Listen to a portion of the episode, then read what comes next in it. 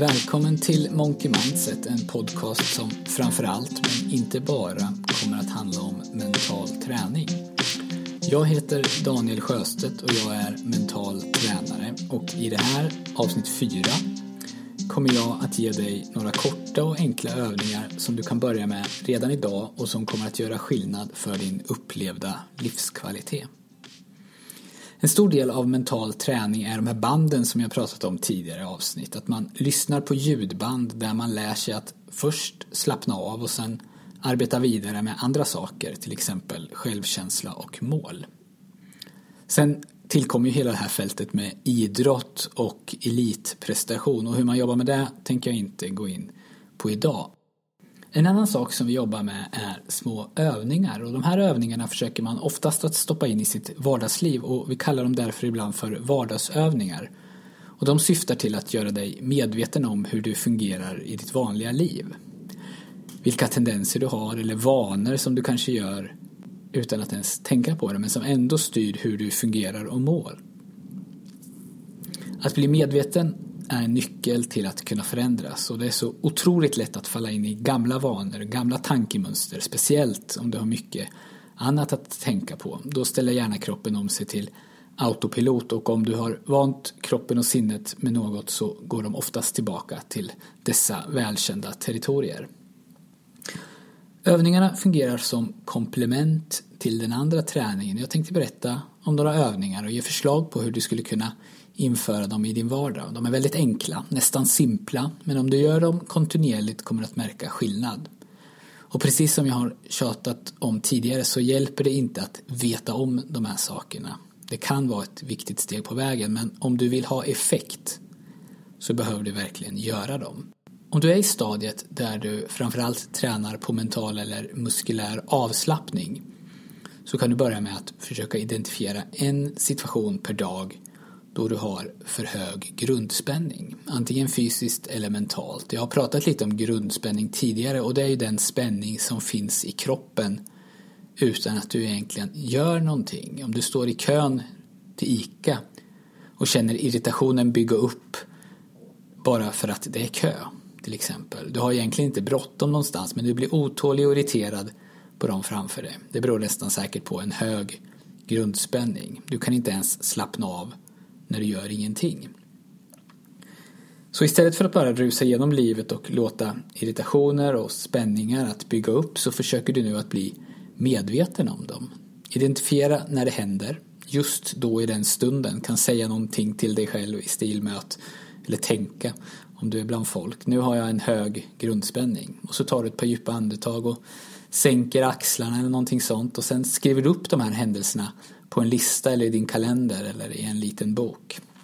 Att skriva upp är mycket viktigt och det är en del av det här att göra som skapar resultaten. Efter ett tag så kommer du märka hur den här kontrollmekanismen i din kropp nu har slagits på. I början så måste du alltså göra det här medvetet. Att själv identifiera stunder varje dag men efter några veckor så kommer den här frågan att ställas automatiskt till kroppen och till sinnet utan att du behöver ödsla någon energi på det. Och eftersom träningen med banden, själva avslappningsövningarna, ger dig de verktyg du behöver för att kunna spänna av så kommer den här övningen att hjälpa till så att din grundspänning sjunker ännu mer och ännu oftare. Vardagsövningarna kompletterar alltså den andra träningen. Övning nummer två som jag vill rekommendera är ungefär likadan men nu handlar det istället om möten med andra människor. Egentligen är det två olika övningar men jag kommer förklara bägge här eftersom de i, i sak är lika. Och den första övningen, 2A om du vill, handlar om att identifiera en situation varje dag där du lär dig någonting av en annan människa.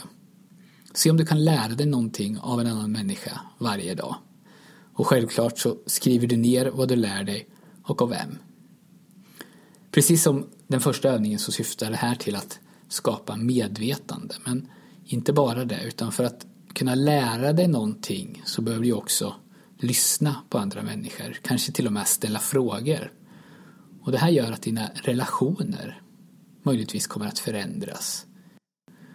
Och kanske så uppfattar dina medmänniskor dig som nyfiken och lyssnande. Det här är egenskaper som är bra att ha om man vill få andra människor att tycka om en. Övning 2b ser likadan ut men med en liten twist. Försök att lära dig någonting av någon som du absolut inte trodde att du skulle kunna lära dig någonting av. Eller någon som du absolut inte vill lära dig någonting av. Precis som i den första övningen där du ska identifiera spänningar så kommer den här övningen sakta att förändra ditt sätt att tänka. Till slut kommer din hjärna att leta efter saker att lära sig utan att du medvetet säger till den. Till stor del handlar det här om attityd. Att förändra din attityd, i det här fallet till andra människor. Och det går att se samma verklighet från olika perspektiv som vi pratade om i avsnitt 3. Så om du hamnar i en konversation med en annan människa så kan du ju tänka på annat. Du kan tänka på vad du ska göra sen eller du kanske kan försöka avsluta samtalet så fort som möjligt eller vänta på att den andra ska sluta prata så att du kan få sagt det du vill ha sagt. Eller så kan du lyssna, ställa frågor, försöka lära dig någonting. Exakt samma situation men genom att förändra din attityd så blir livet lite mer intressant, roligare att leva helt enkelt, både för dig och för den du möter. Det var tre enkla övningar. Prova dem gärna och jag skulle verkligen uppskatta att få höra lite om hur det gick och hur du uppfattade dem. Men gör det inte bara en eller två dagar utan ge det åtminstone att du har lyssnat och på återhörande.